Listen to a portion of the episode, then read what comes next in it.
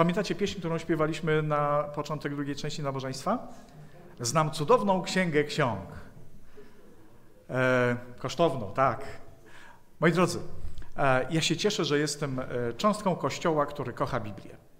E, być cząstką Kościoła, który tą księgę kocha nad życie, który tą księgę szanuje, dzieli się nią, e, upowszechnia, upublicznia, to jest wielki, wielki przywilej, dlatego że to jest nasz drogowskaz życia. Być adwentystą dnia siódmego to, być, to jest znaczy być człowiekiem, który kocha tę księgę. I myślę, że ta miłość nas łączy. A w związku z tym, że Biblia opowiada o różnych rzeczach, porusza różne tematy, ja rozumiem, że wszystko, co w Biblii, możemy o tym mówić, czy nie? Możemy. Dobra, mam wasze przyzwolenie, bo dzisiaj chciałbym mówić o Marii. Mogę? Niektórzy, niektórzy na moment zawiesili się, tak? Tak, chcę mówić o Marii. Chcę mówić o Marii, dlatego że jest to jedna z najbardziej zajmujących postaci Pisma Świętego.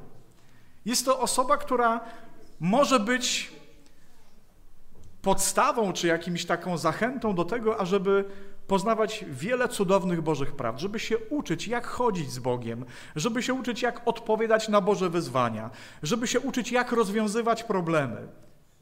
Możemy to robić, patrząc na jej życie. Ale tak się jakoś złożyło, że kiedy słyszymy imię Maria w naszym protestanckim środowisku, to od razu zapala nam się czerwona lampka, tak czy nie? Czy możemy tak swobodnie, bez emocji rozmawiać o tym, czy włącza się jakaś lampeczka taka ostrzegawcza, która mówi: Oj, uważaj, bo tutaj chodzisz po cienkim lodzie, żebyś przypadkiem nie powiedział coś nie tak, żebyś przypadkiem nie powiedział czegoś za dużo. Z czego to wynika? Czy sam, sama Maria jest tak kontrowersyjną postacią? Nie. Problemem jest to, co ludzie, co chrześcijanie po pewnym czasie z tą postacią zrobili.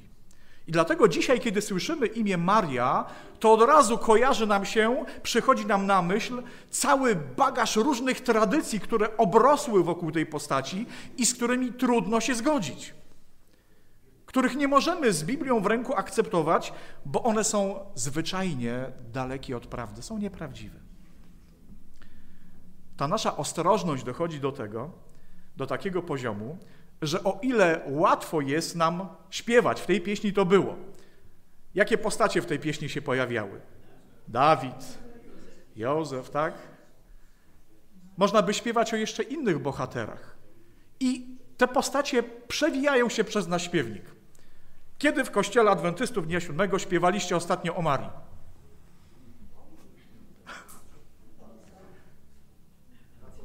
O wszystkich możemy śpiewać. O Danielu, y, o Dawidzie, o Józefie, y, o apostole, powiedzmy, Pawle, o Łukaszu, możemy, o Marinie, prawda?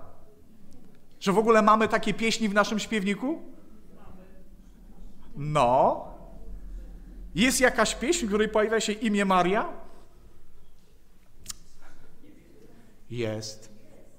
Jest. A wiecie, ile tych pieśni jest? Aż jedna. Pieśń 139. Tej pieśni w ogóle też chyba e, śpiewamy bardzo niewiele, jeśli w ogóle, bo jest to pieśń, która zaczyna się cicha noc, święta noc. To jest kolenda. A więc czasami nawet wobec tej pieśni jako takiej mamy taki lekki dystans, no bo jakże tu śpiewać, skoro tą samą pieśń śpiewają gdzieś tam za ścianą moi sąsiedzi katolicy, tak? A i skoro oni coś robią, to ja tego robić nie będę, bo to na pewno jest nie, nie w porządku. Moi drodzy, wszystko, co w Biblii, jest dla nas, tak czy nie? Ja w tak wierzę. Nie ma tematów tabu, nie ma tematów, które musimy takim szerokim łukiem omijać, bo dotykają spraw, które mogą być kontrowersyjne albo bulwersujące. Jeszcze raz podkreślam. Problemem nie jest Maria jako osoba, jako postać. Problemem jest to, co ludzie z tą postacią zrobili i nauki, które obrosły wokół tej postaci, które nie mają żadnego korzenia w Biblii. To jest problem. Dlatego my, adwentyści, ludzie księgi, musimy się nauczyć mówić o Marii tak, jak mówi o Marii Duch Święty, jak mówią o Marii apostołowie, jak mówią o Marii autorzy ksiąg Nowego Testamentu. Tak chcemy i tak możemy mówić o Marii. Najczęściej w naszym środowisku, zresztą chyba nie tylko naszym adwentystycznym, ale generalnie protestanckim środowisku, kiedy pojawia się imię Maria, to od razu włącza nam się taka projekcja na nie. Jak wygląda taka typowa rozmowa między katolikiem a protestantem, kiedy rozmawiają o Marii? Co mówi protestant?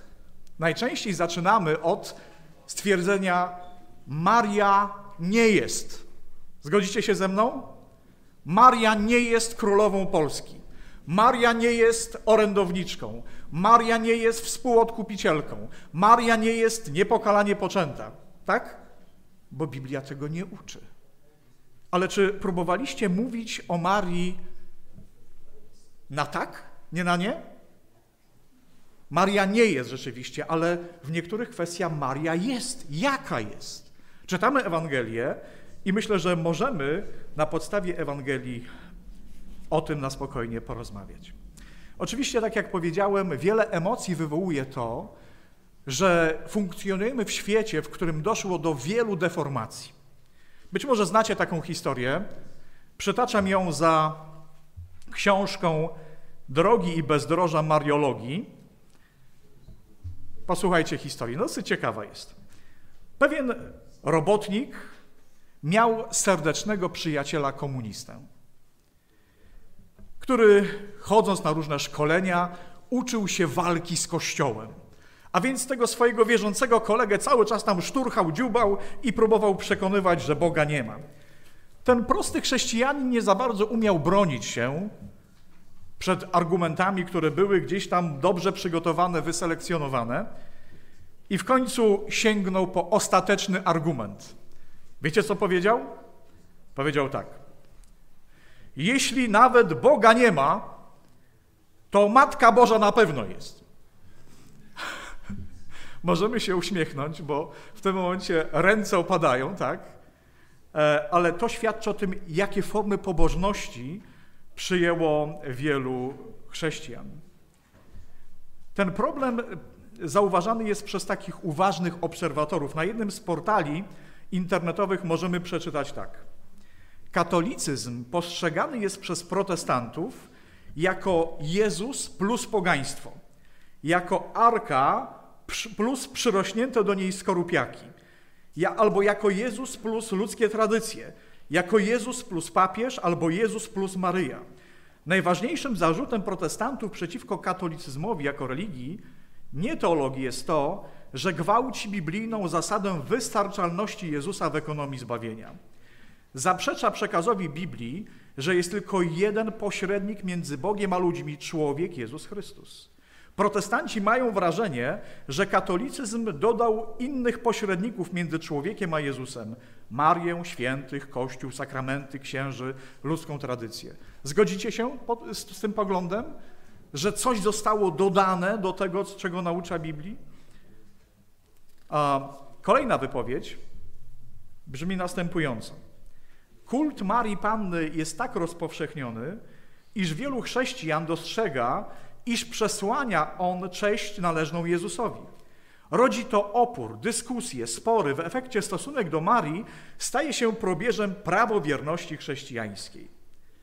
Przykładem niech będzie w Polsce Radio Maryja, w, których, w którym katolickich rozmówców rozpoznaje się po swoistym haśle, którym witają zespół redakcyjny i słuchacze. To hasło brzmi: Niech będzie pochwalony Jezus Chrystus i Maryja na zawsze dziewica. To jest znak rozpoznawczy. W konsekwencji na sam dźwięk imienia Maryja protestanci generalnie dostają gęsiej skórki i odrzucają Marię. Katolicy zaś ją dosłownie ubóstwiają. Czy można znaleźć w tym sporze jakiś złoty środek? Żeby było ciekawiej, to chcę Wam powiedzieć, że kult Marii jest o wiele szerszy niż samo chrześcijaństwo. Czy wiecie o tym, że Maria zajmuje dosyć ważne miejsce w islamie i niektórzy upatrują tego, że pojednanie między religiami, między chrześcijaństwem a islamem będzie się odbywało na płaszczyźnie Mariologii. Na jednym z portali internetowych można przeczytać. Jest to tytuł artykułu, który się pojawił. Maria drogą dla islamu. Kult maryjny cieszy się wśród muzułmanów wielką popularnością. Można go zaobserwować zarówno w pobożności sunnitów, jak i szyitów. Do Fatimy, Harissy, Samalutu, Damaszku, Asjutu, Zejtun i do innych miejsc, w których objawia się Maryja, kieruje się wielu muzułmańskich pielgrzymów z Libanu, Syrii, Egiptu, Iranu i innych krajów. Kult maryjny cieszy się szczególną popularnością wśród kobiet. Pielgrzymi szukają u Marii uzdrowienia, pomocy w problemach fizycznych, duchowych. Te formy muzułmańskiej pobożności odbiegają od oficjalnych praktyk islamu. Chodzi tu przede wszystkim o osobistą, spontaniczną modlitwę, o dialog z Bogiem za pośrednictwem Marii. Islam nie zezwala na taką formę modlitwy, a mimo to jest ona coraz bardziej popularna w wielu kręgach wyznawców islamu. Podobnie, jeśli chodzi o kult Maryi, y, ma się rzecz w innych wyznaniach, takich jak bahaizm, gdzie również jest on y, otaczany, y, ten kult, dużym szacunkiem. Moi drodzy, skoro wokół nas jest tak wiele dziwnych poglądów, wypaczeń, deformacji, to czy my, ludzie Biblii, nie powinniśmy głośno mówić, jaka jest prawda? Czy ludzie wierzący nie powinni na podstawie Biblii mówić o Marii tak, jak Ewangelie tego nauczają? To jest nasz obowiązek, żeby każdy błąd, każde wypaczenie, każdą deformację na podstawie Biblii móc prostować. A więc, moi drodzy, poświęćmy chwilkę dosłownie na to, żeby w takim ekspresowym y, tempie przebiec przez kartę Ewangelii i zastanowić się, czego tak naprawdę naucza Biblia na temat Marii. Co możemy z Biblią w ręku na temat Marii powiedzieć? Co możemy powiedzieć? A więc przede wszystkim Maria pochodziła z pokolenia Judy. Skąd o tym wiemy? Dlatego, że apostoł Paweł w liście do Rzymian mówi o tym, że Jezus według ciała pochodzi z jakiego pokolenia? Judy. Czy Józef miał cokolwiek, jakikolwiek współudział w narodzinach Jezusa? Nie. Jezus jest synem Marii i został spłodzony przez Ducha Świętego. A więc skoro pochodzi z pokolenia Judy, to, to po kim dziedziczy to pochodzenie? No po Marii. Józef nic w tym udziału żadnego nie miał. Wiemy także, że Maria mieszkała w Nazarecie. Jakie, jaką sławą cieszyło się to miasto? Wiecie, na podstawie Biblii? Kiedy jeden z uczniów Jana Chrzciciela przedstawiał informację, że znaleziono Mesjasza i że pochodzi on z Nazaretu, to usłyszał co w odpowiedzi? Czy z Nazaretu może pochodzić coś dobrego? Czyli to miasto Nazaret nie cieszyło się dobrą sławą. A mimo to Pan Bóg, kiedy szukał matki dla swojego syna, do jakich drzwi zapukał, do jakiego miasta poszedł? Do Nazaretu. O czym to świadczy?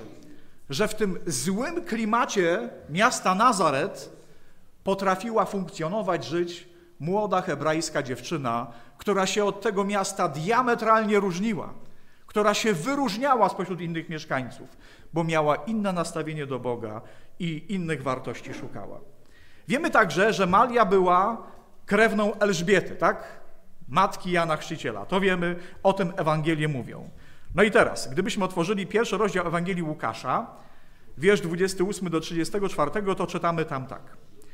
Anioł wszedł do niej, czyli do Marii, i rzekł: Bądź pozdrowiona, pełna łaski. Pan z tobą, błogosławiona jesteś między niewiastami.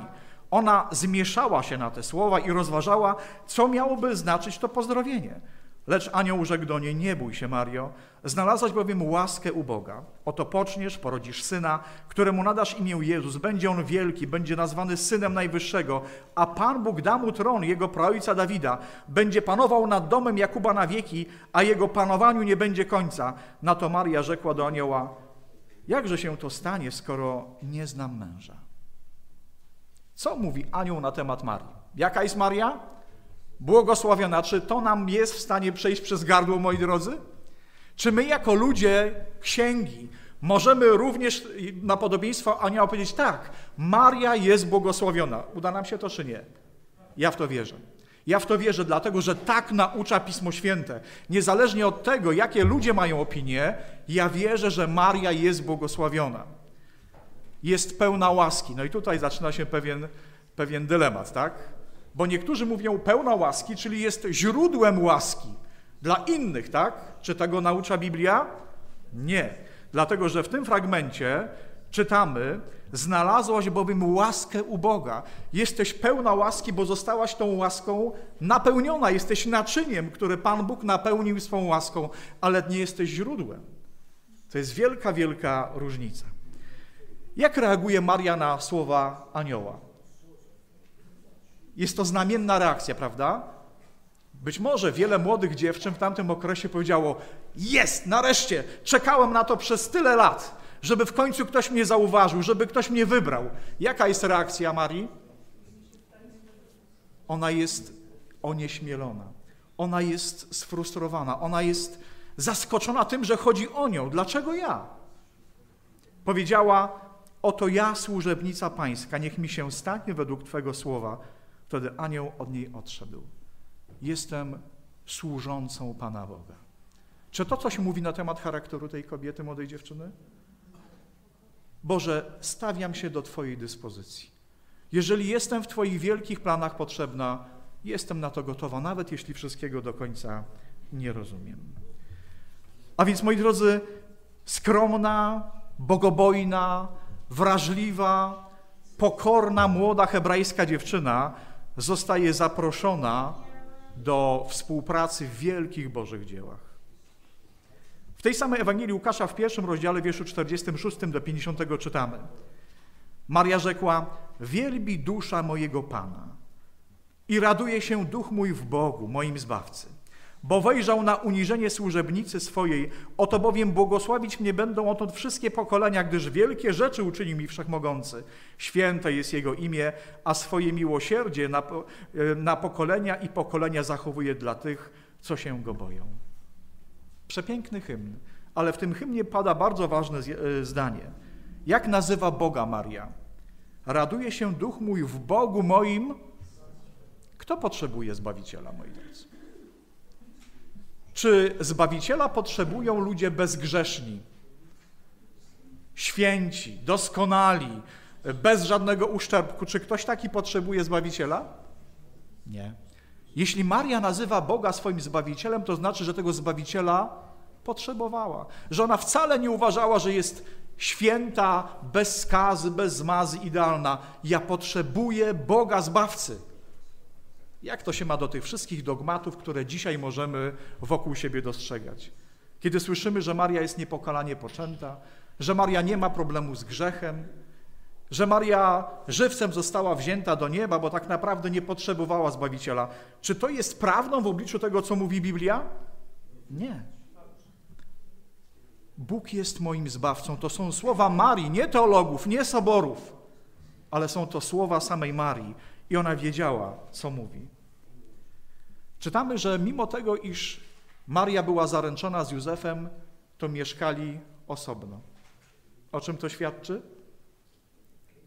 Że Maria była osobą moralną.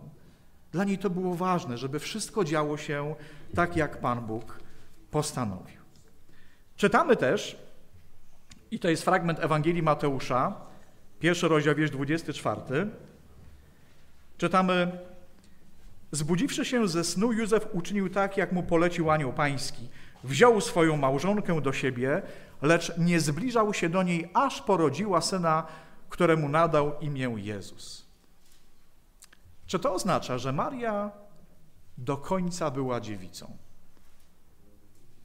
Czy ten tekst coś takiego sugeruje? Bo dzisiaj postrzegana jest jako osoba, która żyła w panieństwie, w dziewiczości do końca swych dni. Ten tekst tego nie mówi, prawda? Że Józef uszanował wszystko, co mu objawił Bóg i nie zbliżał się do Marii, aż porodziła syna. Co potem się działo, Biblia tego nie mówi. Ale absolutnie z tego tekstu nie można wywnioskować, że małżeństwo Marii i Józefa było małżeństwem papierowym, tak? A więc musimy być bardzo uczciwi wobec Pisma Świętego i nie wyciągać wniosków, których tam po prostu nie ma. Ale Maria jawi się też jako osoba niezwykle zaradna. Kiedy nie ma miejsca w gospodzie, żeby przenocowali, Maria rodzi syna w jakiejś stajence. Co czytamy o niej? Zaraz zatroszczyła się, jakieś pieluszki, zadbała o swoje narodzone dziecko, a więc była troskliwą, zaradną matką. I to, co bardzo lubię w opisie Marii. Ewangelia Łukasza, drugi rozdział, wiersz 16 do 19. Pasterze udali się z pośpiechem, znaleźli Marię, Józefa, niemowlę leżące w żłobie. Gdy je ujrzeli, opowiedzieli o tym, co im zostało objawione o tym dziecięciu. A wszyscy, którzy to słyszeli, dziwili się temu, co pasterze opowiadali, lecz Maria zachowała wszystkie te sprawy i rozważała w swoim sercu. Widzisz, jaki rys charakteru? Jaka postawa charakteryzowała Marię? Kiedy docierały do niej pewne informacje, które dotyczyły Bożego planu działania, co Maria robiła? Zachowywała je w sercu i rozważała. My czasami, kiedy słuchamy Pisma Świętego, to jednym uchem nam wlatuje coś, a drugim wylatuje, tak? Słyszeliśmy, ale właściwie nie wiemy o co chodzi. Coś było mówione, ale co dokładnie nie wiemy, nie pamiętamy. Co robiła Maria? Przyjmowała Słowo Boże i rozmyślała o nim. Chciała te słowo rozumieć, chciała być dobrą służebnicą pańską, chciała być pod każdym względem posłuszna Panu Bogu. Kiedy rodzi się Jezus, to Maria zgodnie z przepisami prawa mojżeszowego co robi z, z małym Jezusem? Niesie je do świątyni. Ona przestrzegała prawa Bożego. Niesie ofiarę, która miała związek z oczyszczeniem, parę jakichś skromnych gołąbków. O czym to świadczy? Maria i Józef nie byli bogaczami. To była ofiara ubogich, a więc Jezus wychowuje się w skromnym domu, w którym na pewno nie przelewało się. Ale jest coś jeszcze. Kiedy Maria słyszy proroctwo, to jest Ewangelia Łukasza, drugi rozdział, wiersz 33 do 35. Symeon prorokuje i mówi o Jezusie tak. Ten przeznaczony jest na upadek i na powstanie wielu w Izraelu, na znak, któremu sprzeciwiać się będą. Twoją duszę miecz przeniknie, aby na jaw wyszły zamysły wielu serc. Co byście, tutaj się zwracam do sióstr, pomyślały, gdybyście otrzymały od nieba niesamowity dar, dar dziecka, ale zaraz by powiedziano wam o tym, że to dziecko nigdy do was należeć nie będzie. Że to jest dziecko, które jest darem dla całej ludzkości. Że otrzymaliście dziecko, którym macie się opiekować, ale ono nigdy do końca nie będzie wasze. Co więcej, Maria słyszy, że to, co się będzie działo w przyszłości z Twoim synem, sprawi, że Twoją duszę przeniknie miecz. Otrzymasz cios prosto w serce. To nie było łatwe być matką Mesjasza. To nie było łatwe, dlatego że Maria często stała z boku, nie rozumiała tego, co się wokół niej dzieje, była całkowicie bezradna na to, co ludzie zaczęli z Jezusem czynić. Mogła tylko stać z boku i płakać i znosić ten swój ból, bo była całkowicie bezradna. Czytamy o tym, że Maria była chroniona przez Boga. Sny, gdzie, gdzie ostrzegają one przed tym, że ktoś czyha na, na życie dziecka. Kiedy Józef Maria um, uciekają do Egiptu. Potem wracają do, do Nazaretu na koniec. W tym zepsutym Nazarecie Maria wychowuje Pana Jezusa. Jak sądzicie, czy Maria miała jakiś wpływ na to, jakim człowiekiem był Pan Jezus, kiedy dorósł? Miała wpływ czy nie? I to niebagatelny niebagatelny. Duch Święty był ojcem Pana Jezusa, ale ziemską matką była Maria i na pewno wniosła w życie Jezusa wiele wspaniałych rzeczy. Jaki był Jezus, wiemy, ale jakiś udział w kształtowaniu jego charakteru miała ziemska matka, która uczyła go szacunku dla ludzi, wierności wobec Boga, wrażliwości, gotowości do działania, wiele na pewno wspaniałych cech, Maria zaszczepiła w charakterze Jezusa Chrystusa. Ewangelia Łukasza, rozdział 2, wiersz 40 i kolejne mówią o tym, że taki drobiazg, że dziecię rosło, nabierało mocy, napełniając się mądrością, a łaska Boża spoczywała na nim. Rodzice jego, czyli Maria i Józef, chodzili co roku do Jerozolimy na święto Paschy. Drobna informacja. O czym to świadczy? Że poważnie traktowali swoją duchowość Moi drodzy, dzisiaj mamy czasami problem, żeby wstać i iść na nabożeństwo, nie jest tak? Kiedy mamy wstać i udać się na 9.30 i wziąć udział w nabożeństwie, to gdzieś tam od razu rozlegają się głosy, a czy to jest potrzebne? Włączysz sobie komputer, obejrzysz sobie kazanie z Podkowy Leśnej czy z jakiegoś innego zboru i będzie dobrze.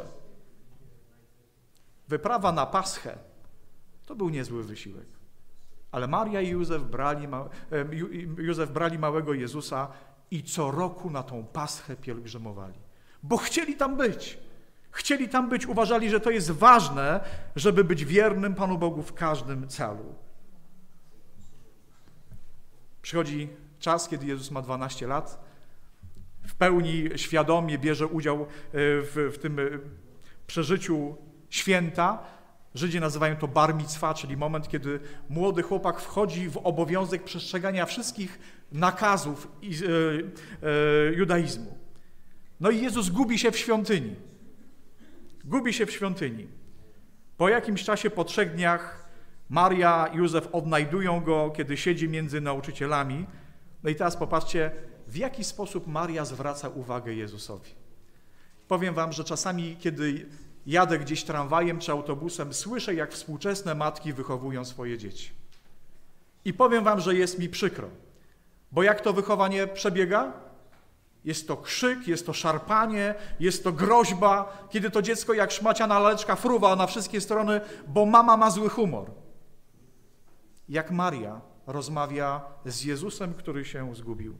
Jest to fragment Łuka, Ewangelii Łukasza, drugi rozdział 46 do 51. Maria mówi do Jezusa, tego dwunastoletniego chłopca, mówi tak. Synu, czemuś nam to uczynił? Oto ojciec Twój i ja z bólem serca szukaliśmy Ciebie. Co za tymi słowami musi się kryć? Wielka miłość, wielkie serce, olbrzymi szacunek. Tam nie ma łajania, tam nie ma jakiejś szorskiej takiej, takiej bury, ale, ale jest tam ból serca. Myśmy z bólem serca szukali Ciebie. Co się stało? Moi drodzy, ja jestem przekonany, że wielu z nas chciałoby być takimi rodzicami i taką cierpliwość mieć dla swoich dzieci, jaką przejawiała w swoim życiu Maria. Wesele w Kanie Galilejskiej. Pamiętacie słowa Marii? Przychodzą e, ludzie, mówią, zabrakło wina. Maria bierze ten problem, niesie do Jezusa. I tam czytamy, że, że ta rozmowa wygląda nawet na trochę szorską, bo Jezus jej mówi: Cóż mnie i tobie, niewiasto, tak? Co Maria mówi ludziom? Cokolwiek powie wam mój syn, to czyńcie. Nigdy nie było w Marii takiej chęci przyćmienia swoją osobą Jezusa Chrystusa. Ona zawsze wskazywała na swojego syna. To jest biblijna Maria. To nie jest królowa niebios.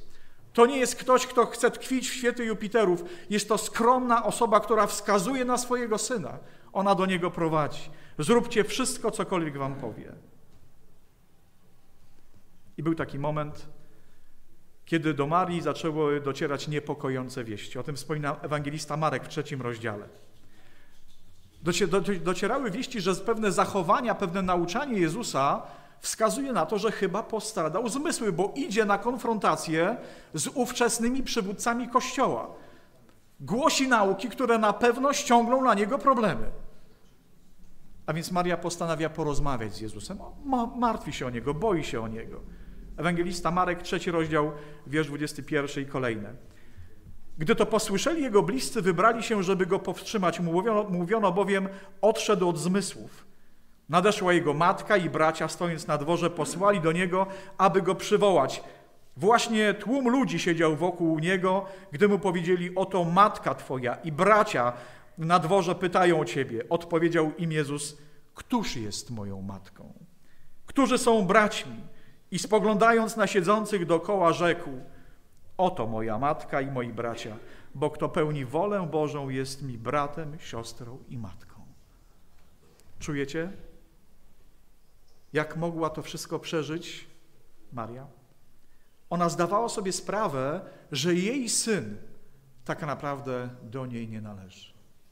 Że Jezus postawił wyżej więzy duchowe nad więzy rodzinne.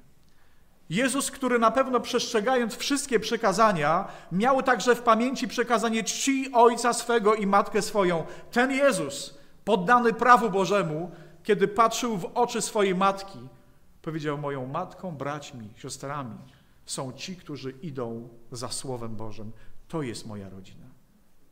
Maria musiała uznać swoje miejsce w życiu Jezusa. To nie było odtrącenie, to nie była jakaś, jakaś oschłość ze strony Jezusa, ale Maria miała świadomość, że jest pewnym elementem Bożego planu zbawienia, że są wyższe racje stanu. Jezus nie przyszedł do swojej ziemskiej rodziny tylko i wyłącznie. On przyszedł do całej ludzkości. Próbuję sobie wyobrazić, co ja jako ojciec bym czuł, gdybym takie słowa usłyszał z swojego dziecka. Bo brzmi to mniej więcej tak, jak tato stanie obok, bo są wyższe, ważniejsze rzeczy. Są większe wartości, którym przyszedłem się poświęcić. Uznaj to, że przyszedłem po to, żeby realizować wielkie Boże plany. I potem ten moment, kiedy Maria stoi pod krzyżem. Ja nie wiem, od samego czytania to się po prostu serce kraje i chyba niewielu z nas, moi drodzy, jako rodzice, jako ojcowie, jako matki, przeżywali taki moment, kiedy patrzycie na cierpienie swojego dziecka i nie możecie zrobić nic. Bo wokół krzyża stał kordon rzymskich żołnierzy, który nie dopuszczał nikogo. Wokół krzyża stanęli ludzie, którzy ziali nienawiścią, którzy pluli, którzy wygrażali dłońmi, którzy rzucali obelgi, bluźnierstwa przeciwko Jezusowi. Tłum był żądny krwi. Sycili się takim widowiskiem. I gdzieś tam niedaleko obok krzyża stała Maria, przygnieciona swoim bólem, nie mogąca zrobić nic. Twoją duszę przeniknie miecz. To był ten moment. Potem słońce zaczęło się chylić za horyzont. Piątek, dzień, w którym umierał Jezus, kończył się. Co mogła zrobić Maria? Tak jak inne kobiety, które towarzyszyły Jezusowi, obejrzały grób, to w jaki sposób zostało złożone ciało Jezusa. Po powrocie przygotowały wonne olejki, lecz zgodnie z przykazaniem zachowały spoczynek sabatu. To jest Maria Biblii, moi drodzy. To jest Maria, która przestrzega przykazań, która nawet w obliczu swojej osobistej tragedii jest Bogu nadal wierna. Czy taką Marię znamy w opowiadaniu współczesnych kościołów? Marię, która ceni sobie Słowo Boże, która trwa w posłuszeństwie? Jak bardzo rozjechały się te dwa obrazy. I wreszcie ostatnia wzmianka biblijna na temat Marii to jest fragment dziejów apostolskich. Pierwszy rozdział i tam wiersz 12 do 14. Czytamy, że uczniowie Jezusa wrócili z Jerozolimy, z góry zwanej Oliwną, która leży blisko Jerozolimy, w odległości drogi sabatowej. Przybywszy tam weszli do sali na górze i przebywali w niej Piotr, Jan, Jakub, Andrzej, Filip, Tomasz, Bartłomień, Mateusz, Jakub, syn Alfeusza, Szymon Gorliwy, Juda, brat Jakuba. Wszyscy oni trwali jednomyślnie na modlitwie razem z niewiastami, Marią, matką Jezusa i jego braćmi. Gdzie widzimy Marię? W atmosferze modlitwy, wierną Kościołowi. To była jedna z najwierniejszych, uczennic Jezusa Chrystusa. Mógł powiedzieć, synu, ja jestem twoją matką, ty mnie powinieneś słuchać. Ale Maria Biblii tak nie mówi. Ona idzie do Jezusa, do swojego Syna, żeby u Niego otrzymać zbawienie. Wielbi dusza moja Pana, Boga, mego Zbawcę. To jest Maria Biblii. Dzisiaj, kiedy rozmawiamy o Marii, to najpierw przychodzą nam do głowy dogmaty ustanowione przez ludzi, które ukazują Marię jako królową, jako współodkupicielkę, jako współorędowniczkę, które nadają tej cudownej biblijnej postaci kuriozalne kształty. Ale kiedy otwieramy Biblię, to spotykamy tam skromną, młodą hebrajską dziewczynę, która pochodziła z pokolenia Judy, która przez długi czas mieszkała w Nazarecie, dla której czystość moralna była niezwykle ważna, która była błogosławiona i wybrana przez Boga, obdarzona przez Niego łaską, skromna i nieśmiała, mądra i rozważna, pragnąca poznać wolę Bożą, przepełniona pragnieniem służby dla Boga, osoba pełna wiary, matka Mesjasza. Młoda kobieta, która uznawała wagę proroctw Pisma Świętego, umiała znaleźć w Bogu radość, była świadoma wielkiej misji zleconej jej przez Boga. Cieszyła się szacunkiem Józefa, który nie chciał jej krzywdzić, mimo tego, że nie rozumiał, dlaczego Maria spodziewa się dziecka, którego on nie jest ojcem. On ufał Marii. Zaradna, troskliwa, rozważająca wszystko, co dotyczyło Jezusa w swoim sercu. Uboga, posłuszna prawu Bożemu, świadoma bólu, którego doświadczy z powodu syna, cudownie chroniona przez Boga, wychowała Jezusa w mieście o kiepskiej reputacji, gorliwie praktykowała swoją wiarę, była pełno taktu, delikatności i chociaż nie zawsze rozumiała Jezusa, to chciała być mu posłuszna. Prawdopodobnie dosyć szybko owdowiała, dlatego że na weselu w Kanie Galilejskiej nie widzimy już Józefa. Jest sama Maria. Szukała pomocy u syna w różnych problemach dnia. Innych prowadziła do Jezusa. Zachęcała do posłuszeństwa Jezusowi. Przyjmowała to, że Jezus zwracał się do niej nie tyle matko, co mówił do niej niewiasto. Tak jakby na dystans, prawda? Ale może był w tym pewien sygnał proroczy, gdzie na początku u bram raju Bóg powiedział: Oto ustanawia mnie przyjaźń między Tobą a niewiastą, między jej potomstwem a Twoim potomstwem. Przyjdzie czas, kiedy potomek kobiety zniszczy zło. Próbowała powstrzymać Jezusa przed konfrontacją z ówczesną władzą religijną, bała się o niego. Została przez Jezusa pouczona, że więzy duchowe są ważniejsze niż więzy krwi. Była obecna przy krzyżu Golgoty została powierzona pod opiekę Janowi. Zachowywała spoczynek dnia sobotniego mimo powinności związanych z pogrzebem Jezusa.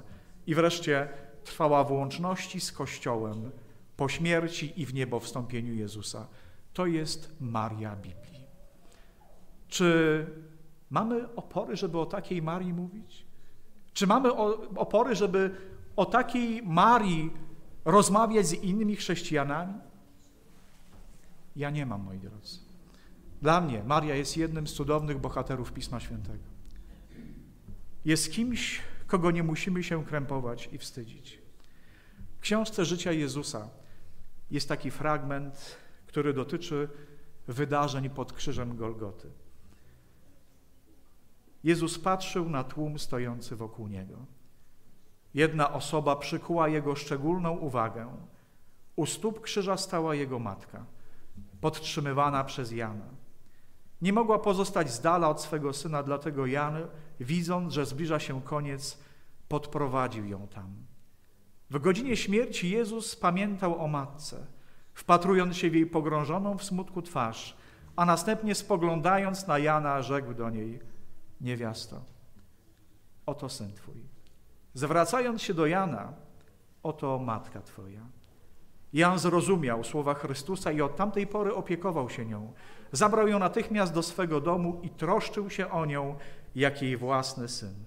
Miłosierny, kochający Zbawiciel wśród cierpienia fizycznego i moralnej męki dał wyraz swej troski o matkę.